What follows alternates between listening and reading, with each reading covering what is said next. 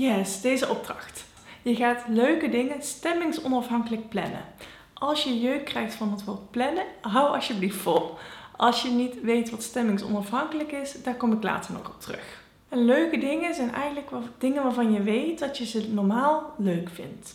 Dus dat kan best een beetje vertroebeld zijn omdat je nou nergens zin in hebt of dat je je licht somber voelt. Maar in principe weet je, dit zijn dingen die ik normaal leuk vind om te doen. En door deze leuke dingen te plannen, creëer je eigenlijk kansen, haakjes om de negatieve spiraal te doorbreken of er weer een positieve spiraal te laten ontstaan. In de winter moeten we daar nou eenmaal meer moeite voor doen.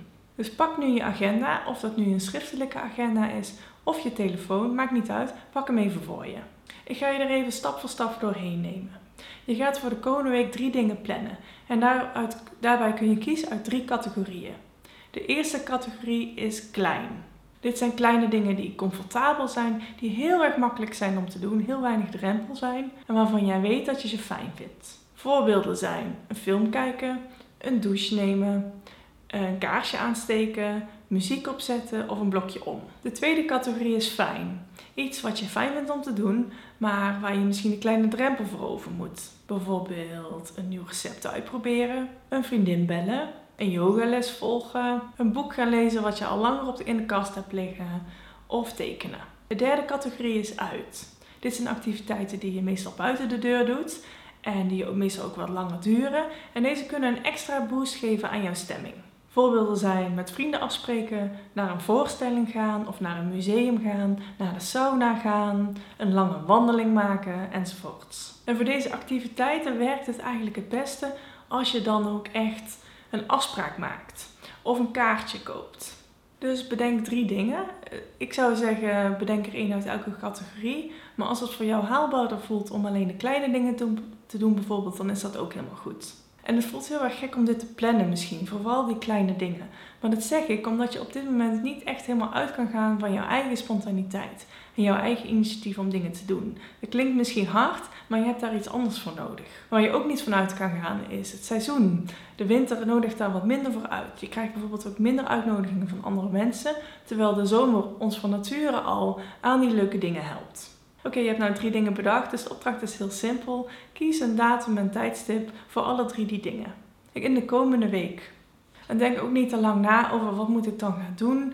Het eerste wat bij je opkomt is meestal helemaal prima. Denk je nou, oh ik heb echt te weinig tijd, dat gaat me niet lukken de komende week. Dan kan je dat ook wat verder weg plannen. Maar niet voor de kleine dingen, omdat die zo weinig tijd kosten dat dat eigenlijk meer een kwestie is. Dat moet je toch deze week gaan doen, juist als je het druk hebt. Dan zijn er nog twee bezwaren. Bijvoorbeeld je wil iets groters doen, maar je weet niet zo goed wat. Wat kan helpen is dat je een, een tijdstip plant waarop je iets groters wil gaan doen, iets buiten de deur. Maar dat je dan bij die datum een uh, activiteit gaat zoeken. En zelfs als dat niet zou lukken, dan is er waarschijnlijk een grote kans dat jij alsnog die activiteit gaat doen, alleen dan op een ander tijdstip. Het tweede wat zou kunnen is dat je denkt, ja maar ik heb al dingen staan. Ik heb al leuke dingen deze week staan en het helpt nog niet. Oké, maar de valkuil is dat je gaat denken, ja, maar dat doe ik al en het werkt niet. Terwijl het eigenlijk datgene wat je doet niet hetzelfde effect heeft als het zou hebben als je nu echt iets voor jezelf zou plannen. Dus wat je kan doen is dat je houdt wat je al hebt staan, als je daar tevreden over bent. Als je denkt, oh dit, dit past eigenlijk wel heel erg mooi in de opdracht. Als je daarover twijfelt, dan zou ik toch wat extra dingen plannen. Want meer leuke dingen zijn nooit weg, nietwaar? Oké, heb je ze in je agenda gezet? Dan komt hier het stemmingsonafhankelijke. Stemmingsonafhankelijk betekent dat jij jezelf gaat beloven dat je deze dingen gaat doen. Hoe je je dan ook op dat moment voelt.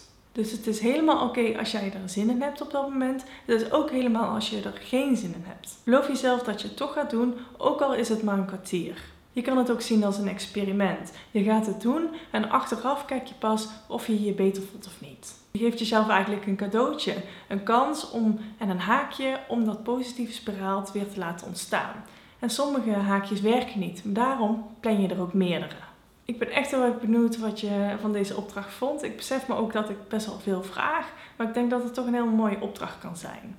Dus ik hoor heel graag wat je ervan vindt. En als je vragen hebt of ideeën nodig hebt, dan stel ze vooral in Instagram. Oké, dan gaan we nu door met de volgende video.